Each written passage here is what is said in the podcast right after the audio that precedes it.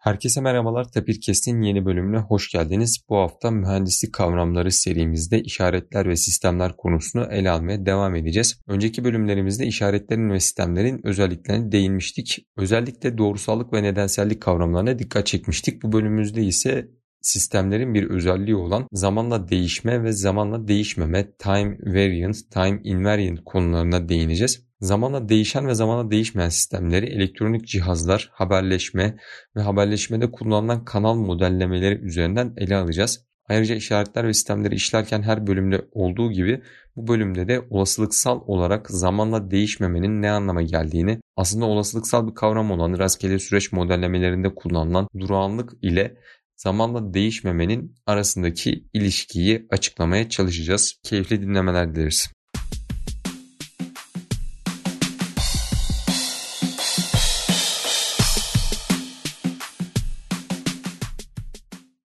Serhan Hocam hoş geldiniz. Hoş bulduk Halil. Hocam bir süredir mühendislik kavramları altında işaretler sistemlere devam ediyoruz. Bugün de yine önemli bir konuyu ele alacağız. E, işaretler ve sistemlerde sistemleri modellerken kullandığımız bazı anahtar kelimelerden daha önce bahsetmiştik. Bunlar e, doğrusallık, e, nedensellik gibi kavramlardı. Doğrusallık ve zamanla değişmeyen sistemlerin ismini çokça andık. E, bugün bunun bir bölümü olan zamanla değişen ve zamanla değişmeyen sistemlere değineceğiz zamanla değişmek nedir? Zamanla değişen bir sistem bize ne anlam ifade ediyor? Zamanla değişmeyen bize ne anlam ifade ediyor? Yani bu konuları bir ele almak ve netleştirmek istedik. İlerleyen zamanlarda da bunları bir bütün haline getirip artık sistemlerin özelliklerini ve sistemlerin tanımını çok iyi bir şekilde yapabilir hale geleceğiz. Ee, şimdi hocam zamanla değişen dediğimiz zaman insanın aklına ilk gelen şey zamanın bir parametre olduğu diferansiyel denklemdir. Muhtemelen mühendisliğe giren birinci sınıf, ikinci sınıf derslerini alan bir insanda o xt fonksiyonu e, insan aklına geliyordur ya da ft olarak görüyoruz. E, zamanla değişen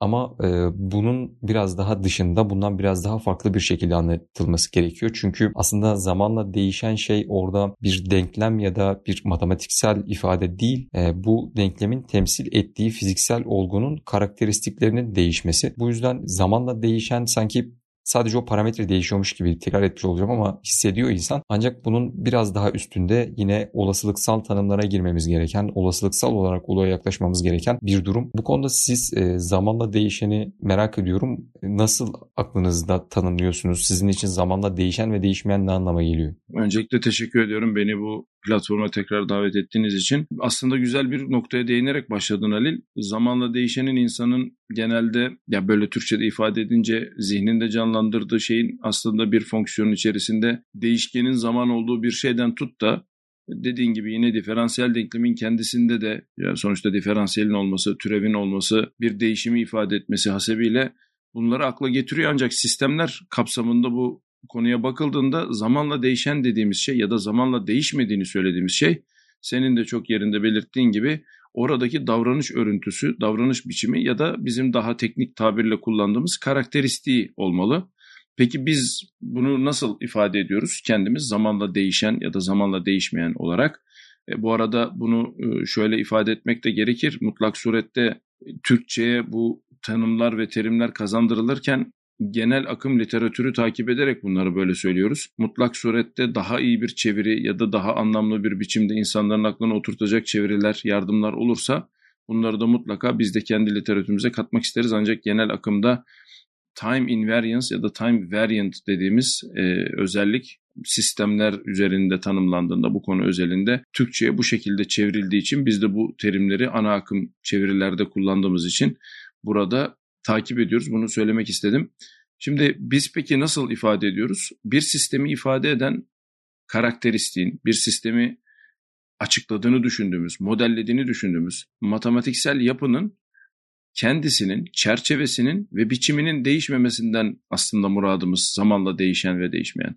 Şimdi sen tabii çok güzel, çok teknik bir kavramla girdin ortaya. Biz sistemler kapsamında sistemleri ifade ederken hemen hemen her yerde matematiksel model olarak diferansiyel denklemleri kullandığımız için aslında sözünü ettiğimiz şey diferansiyel denklemin o mevcut mertebelerindeki, türevin mertebelerindeki katsayılar. Bu katsayıların aslında zamanın bir fonksiyonu olup olmamasıyla bunu söyleyebiliriz. Yani daha matematiksel, daha net bir ifadeyle. Örnek vermek gerekirse Newton'un hareket yasalarında özellikle ivmeli hareket için yazılan diferansiyel denklem düşünüldüğünde işte e, F eşittir ma e, işte ikinci mertebeden diferansiyel olduğu için e, ivme onun önünde bir kütle var. O kütle çarpanı, kütle katsayısı dikkat ederseniz relativistik olmayan, görelilik denklemlerini işin içine sokmadığımız takdirde kütle bir katsayı, bir sabit.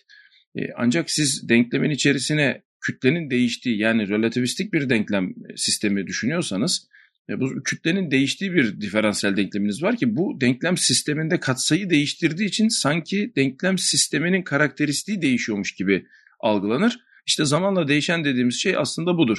Yani çok teknik ifadeyle diferansiyel denklemin katsayılarının sabit olup olmaması şeklinde özetleyebilirsek de insanların aklında diferansiyel denklem her zaman olmayacağı için aslında sistemin davranış paterninin, davranış örüntüsünün, davranış karakteristiğinin herhangi bir zaman içerisinde değişmediği sistemlerden bahsediyoruz ki tahmin ediyorum podcast içerisinde de bununla ilgili gerçek hayattan daha güncel örnekler verebiliriz. Ama sözün özü şudur. Sistem modellerinde kullanılan diferansiyel denklem, yani biz tabii diferansiyel diyerek hep sürekli zaman atıfta bulunuyoruz ama fark denklemleri için de aynı şey geçerli. Merak eden dinleyicilerimiz için bunu söylemekte bir beis yok. Sistemi ifade eden katsayılar üzerindeki aslında değişimin zamana bağlı olup olmamasından bahsediyoruz. Böyle birden fazla zamanın geçtiği, üst üste katmanların olduğu matruşka bebek tadında bir yapı. Tahmin ediyorum dersin anlatımında da ya da kavranmasında da zorlanılan kısımlardan birinin bu olduğunu düşünüyorum. Biraz mühendisliğin bu jargonu fütursuzca kullanmasından kaynaklı da bir terimsel durum söz konusu. Bunu da kabul etmek gerekir ama böyle özetleyebilirim diye düşünüyorum Ali. Hocam yani anladığım kadarıyla şimdi elimizde bir sistem var. Bu, bu sistemde çeşitli değişiklikler zamanla meydana geldiği için biz buna zamanla değişen diyoruz. Aslında oldukça sezgisel mantıklı bir açıklaması var. Ancak burada neden zamanla değişiyor bunu biraz açıklamamız gerekiyor diye düşünüyorum ben. Ee, örneğin mesela şu an elimizde bir telefon var.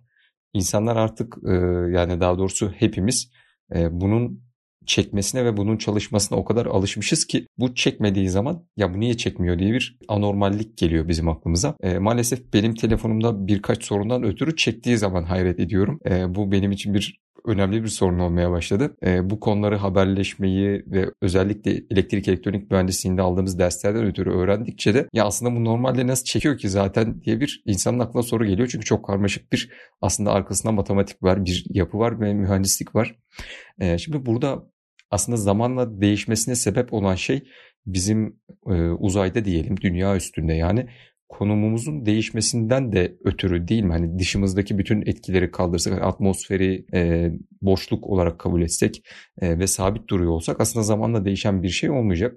Ama biz yürüdüğümüz için sağımızdan solumuzdan geçen arabalar, işte binalar, trafik levhaları, e, hatta yol yani kaldırım, asfalt hepsi ee, özellikle haberleşmede cep telefonu için düşünelim değişimlere sebep oluyor. Bu değişimde e, bizim çeşitli olasılıksal yöntemlerle sisteme yaklaşıp e, bunu bu şekilde çözmemizi gerektiriyor. Yani sadece zaman yani zamanın değişimi aslında bizim hareketimizden ötürü de gerçekleşiyor cep telefonu örneği için. Aslında bunu daha önceki podcast bölümlerinde de e, senin gene sormuş olduğun çok yerinde bir soruyu açıklamaya çalışırken de değindiğimizi düşünerek tekrar ederek burada bana bıraktığın yerden devam etmek istiyorum. Aslında zamanla değişen ve değişmeyen her ne kadar matematiksel olarak katsayıların diferansiyel denklem özelliğinden bahsediyorum. Zamanın bir fonksiyon olup olmamasıyla ilintiliyse de aslında bizim gözlem aralığımızın da bir fonksiyonu. Yani böyle de düşünebiliriz. Yani bir örnek verelim somut bir örnek. Şimdi e, hepimizin bildiği bir ben derste de kullandığım örneği vereceğim. Hani nispeten somut. Şimdi tabii yeni nesil arkadaşlar bu örneği de absürt bulabilirler çünkü teknoloji çok hızlı değişiyor. Bizim zamanımızda işte Walkman'ler vardı. Şimdi Walkman tabii çok eskidi. Şimdi e, MP3 çalarlar oldu. MP3 çalarlar eskidi. Artık tabii cep telefonuna indiği için her şey cep telefonu üzerinden bir müzik uygulaması vasıtasıyla, vasıtasıyla müzik dinlediğimizi varsayalım. Ben örneği hep MP3 çalar üzerinden verdiğim için bu tarihsel nota burada atıfta bulunmak istedim. Yani zamanla bayağı bir değişen bir teknoloji var. Şimdi e, cep telefonunuzda e, en sevdiğiniz şarkıyı dinlemek istediğinizi varsayalım ve bu cep telefonunuzun hafızasında kayıtlı olsun. Siz e, müzik oynatma aracını, arayüzünü açtığınızda, çal tuşuna bastığınızda sevdiğiniz şarkıyı dinlemeye başlarsınız. Şimdi sorumuz şu bizim cep telefonumuz senin az önce verdiğin örnek noktasında 3 gün sonra aynı şarkıyı aynı şekilde açıp aynı düğmeye basıp çal dediğimizde aynı şarkıyı aynı şekilde mi çalıyor çalmıyor mu? Sorunumuz aslında bu. Ya ben 3 günü şu an tabii buradaki akış içerisinde söyledim. Bu önümüzdeki 3852 gün de olabilir, 1,5 saniye sonra da olabilir.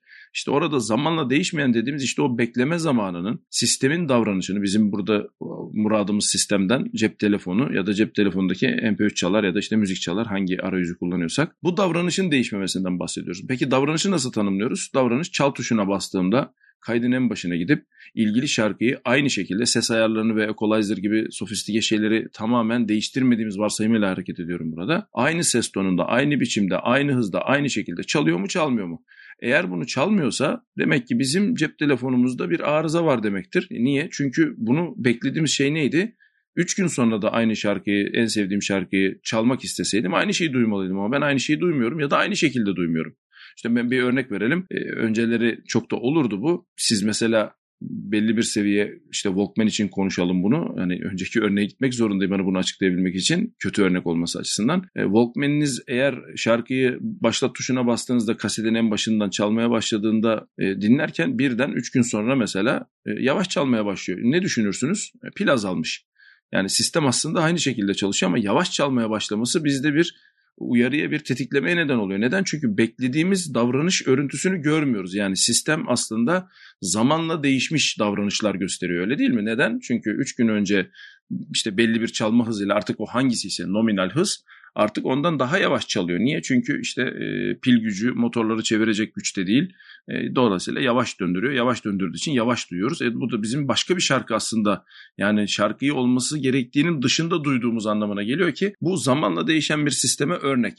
Şimdi tabii şunu söyleyebilirsiniz. Walkman'in kendisi zamanla değişmedi ki. Parçalarında bir değişiklik yok. İşte içindeki kasette bir e, deformasyon olmadığı varsayımıyla yok. Ya pili azaldı diyorsunuz ama biz geçtiğimiz podcastlerde de konuşmuştuk. Sistem dediğimiz şeyi nasıl tanımladığımızla alakalı bu. Sistemi eğer biz pillerin içinde olduğu Walkman kutusu diye tanımlarsak bu sistem zamanla değişmiştir. Ancak e, pilleri çıkartıp onları hariçte bırakıp Parçalara sadece bakarsak evet o sistem zamanla değişmemiştir. Ancak ikinci sistemi test etmek için enerjimiz olmadığı için çok da fazla bir şey söyleyemiyoruz. Şimdi cep telefonu örneğine gelirsek yine senin de söylediğin gibi e, bu çok daha belirgin. Biz bunu söylediğimiz zaman söylediğimiz şekilde her zaman aynı biçimde çalmasını beklersek ve gerçekleşirse bu bu sistem zamanla değişmeyen demektir. Şimdi cep telefonuyla haberleşme örneği ise biraz daha karışık ama çok güzel bir konuyu gündeme getirdiği için burada sözü sana bırakmadan o konuya da değinmek istiyorum Halil biz sistemin zamanla değişip değişmediğini aslında sistemi ifade eden, sistem fonksiyonunu diyelim ona, karakteristik fonksiyonu ifade eden işaretin, hatırlarsanız bunu daha önce de konuşmuştuk aslında dersin adının e, işaretler ve işaretler olması gerektiğini söylemiştik. Çünkü sistemleri modellediğimiz şeyde de karşımıza çıkan o karakteristik ifadenin de bir işaret olduğunu göz önünde bulundurursak, şimdi o, o işarete atıfta bulunarak şunu söyleyebiliyoruz. Bu önemli bir nokta. Biz o işaretin yani sistemi tanımlayan işaretin zamanda değişip değişmemesine bakmıyoruz. Çünkü o zamanın bir fonksiyonu. Ancak o zamanda değişen şeyin sistemin karakteristiğini ifade eden şey olduğunu söylüyoruz. Yani bu ne demek? Eğer sistemi ifade eden işaret bugün bir fonksiyonsa yarın onun bir başka fonksiyon olmasını beklemeyiz. Ama o ilk fonksiyonun zamanda değişmesi çok problem değil. Şimdi bu bizi nereye götürüyor? Senin az önce verdiğin kanal adını verdiğimiz davranışa götürüyor. Yani bizde sistemi tanımlayan şey aslında giriş işaretini çıkış işaretine dönüştürürken o dönüşümü sağlayan işaretin e, kainatta herhangi bir zamanda tabii bu ideal matematik için konuşuyoruz. E, hemen hemen hiçbir fiziksel sistem e, termodinamik nedenler yüzünden buna dayanamaz ama kainatın herhangi bir zamanına gidildiğinde o davranışı tekrar tekrar aynı biçimde mükemmel, ideal bir şekilde göstermesine dayanıyor. E, dolayısıyla senin verdiğin örneği biraz daha sofistike hale getirmek istemiyorum ama o sözünü ettiğimiz şey gerçekten gündeme çok önemli bir bağlamı getiriyor. Biz ona kanal diyoruz. Bütün e, kutular, e, işte e, kara kutu yaklaşımında bahsettiğimiz kutular aslında bizim haberleşmecilerin ve işaretlemecilerin jargonunda kanal adını verdiğimiz işte esas dönüşümü yapan şeye tekabül ediyor ki işte şimdi o kanalın neyi modellediği ile alakalı bir örneği vermiş oldun sen. Yani benim baz istasyonuyla aramda duran her şey fiziksel ortam o kanalın bir unsuru. Oradaki en ufak uzaysal değişiklik bana zamansal bir değişikliğe karşılık geldiği için de senin de söz ettiğin gibi zamanla değişen bir kanalım olabilir ki çoğu zaman da zaten bizim haberleşmede kullandığımız kanal modeli Yani kutu modeli zamanla değişendir. Ancak tekrar ediyorum zamanla değişmesi ve değişmemesi bizim gözlem aralığımızın da bir fonksiyonudur. Buna da zamanımız yeterse değiniriz Ali. Yani hocam bu noktada anladığım kadarıyla biraz daha şunu açmak istiyorum çünkü bu soru bir e, sınavda bana sorulmuştu orada aklıma geldi. Zamanla değişmeyen sistemlerde girişte yaptığımız bir gecikme bu bir tuşa basma olabilir e, ya da şu an değil benim 2 saniye sonra bir konuşmayı gerçekleştirmem olabilir. E, girişte yaptığımız gecikme çıkışta da aynı oranda gecikmeyle sonuçlanması gerekiyor.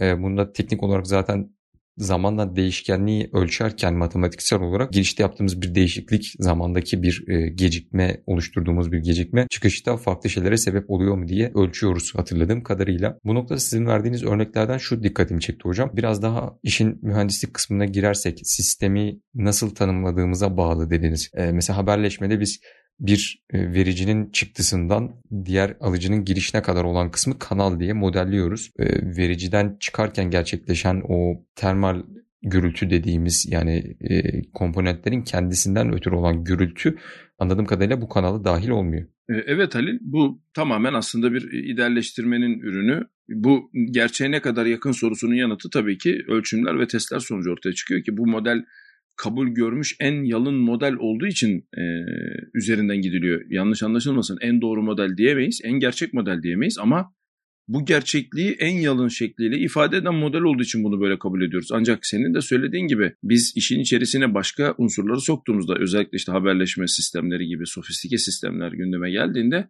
gerçek modelin bu olmadığını biliyoruz. Nereden biliyoruz?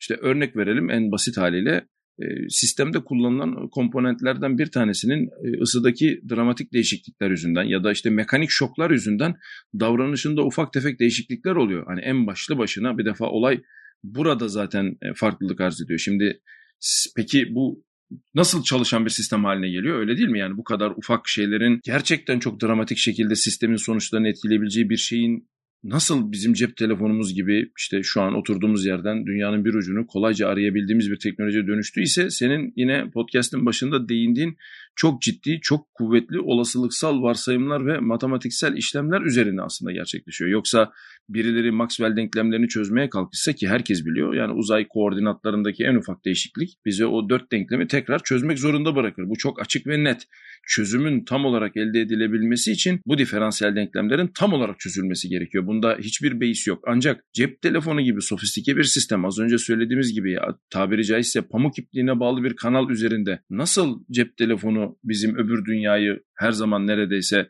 senin de bahsettiğin gibi yani çekme problemi yaşamıyorsak aramamıza e, destek veriyor, bunu sağlıyor. E, bunun yanıtı çok kuvvetli olasılıksal yaklaşımlar ve analizler ve bunlar üzerine gerçekleştirmiş simülasyonlar sonucunda çalışır hale geliyor. Aksi takdirde pamuk ipliğine bağlı az önce söylediğimiz şey deterministik sistem olarak düşünüldüğünde konuyla ilgili arkadaşlar Maxwell'in denklemlerine baktıklarında zaten kesin çözümün bunu gerektirdiğini göreceklerdir.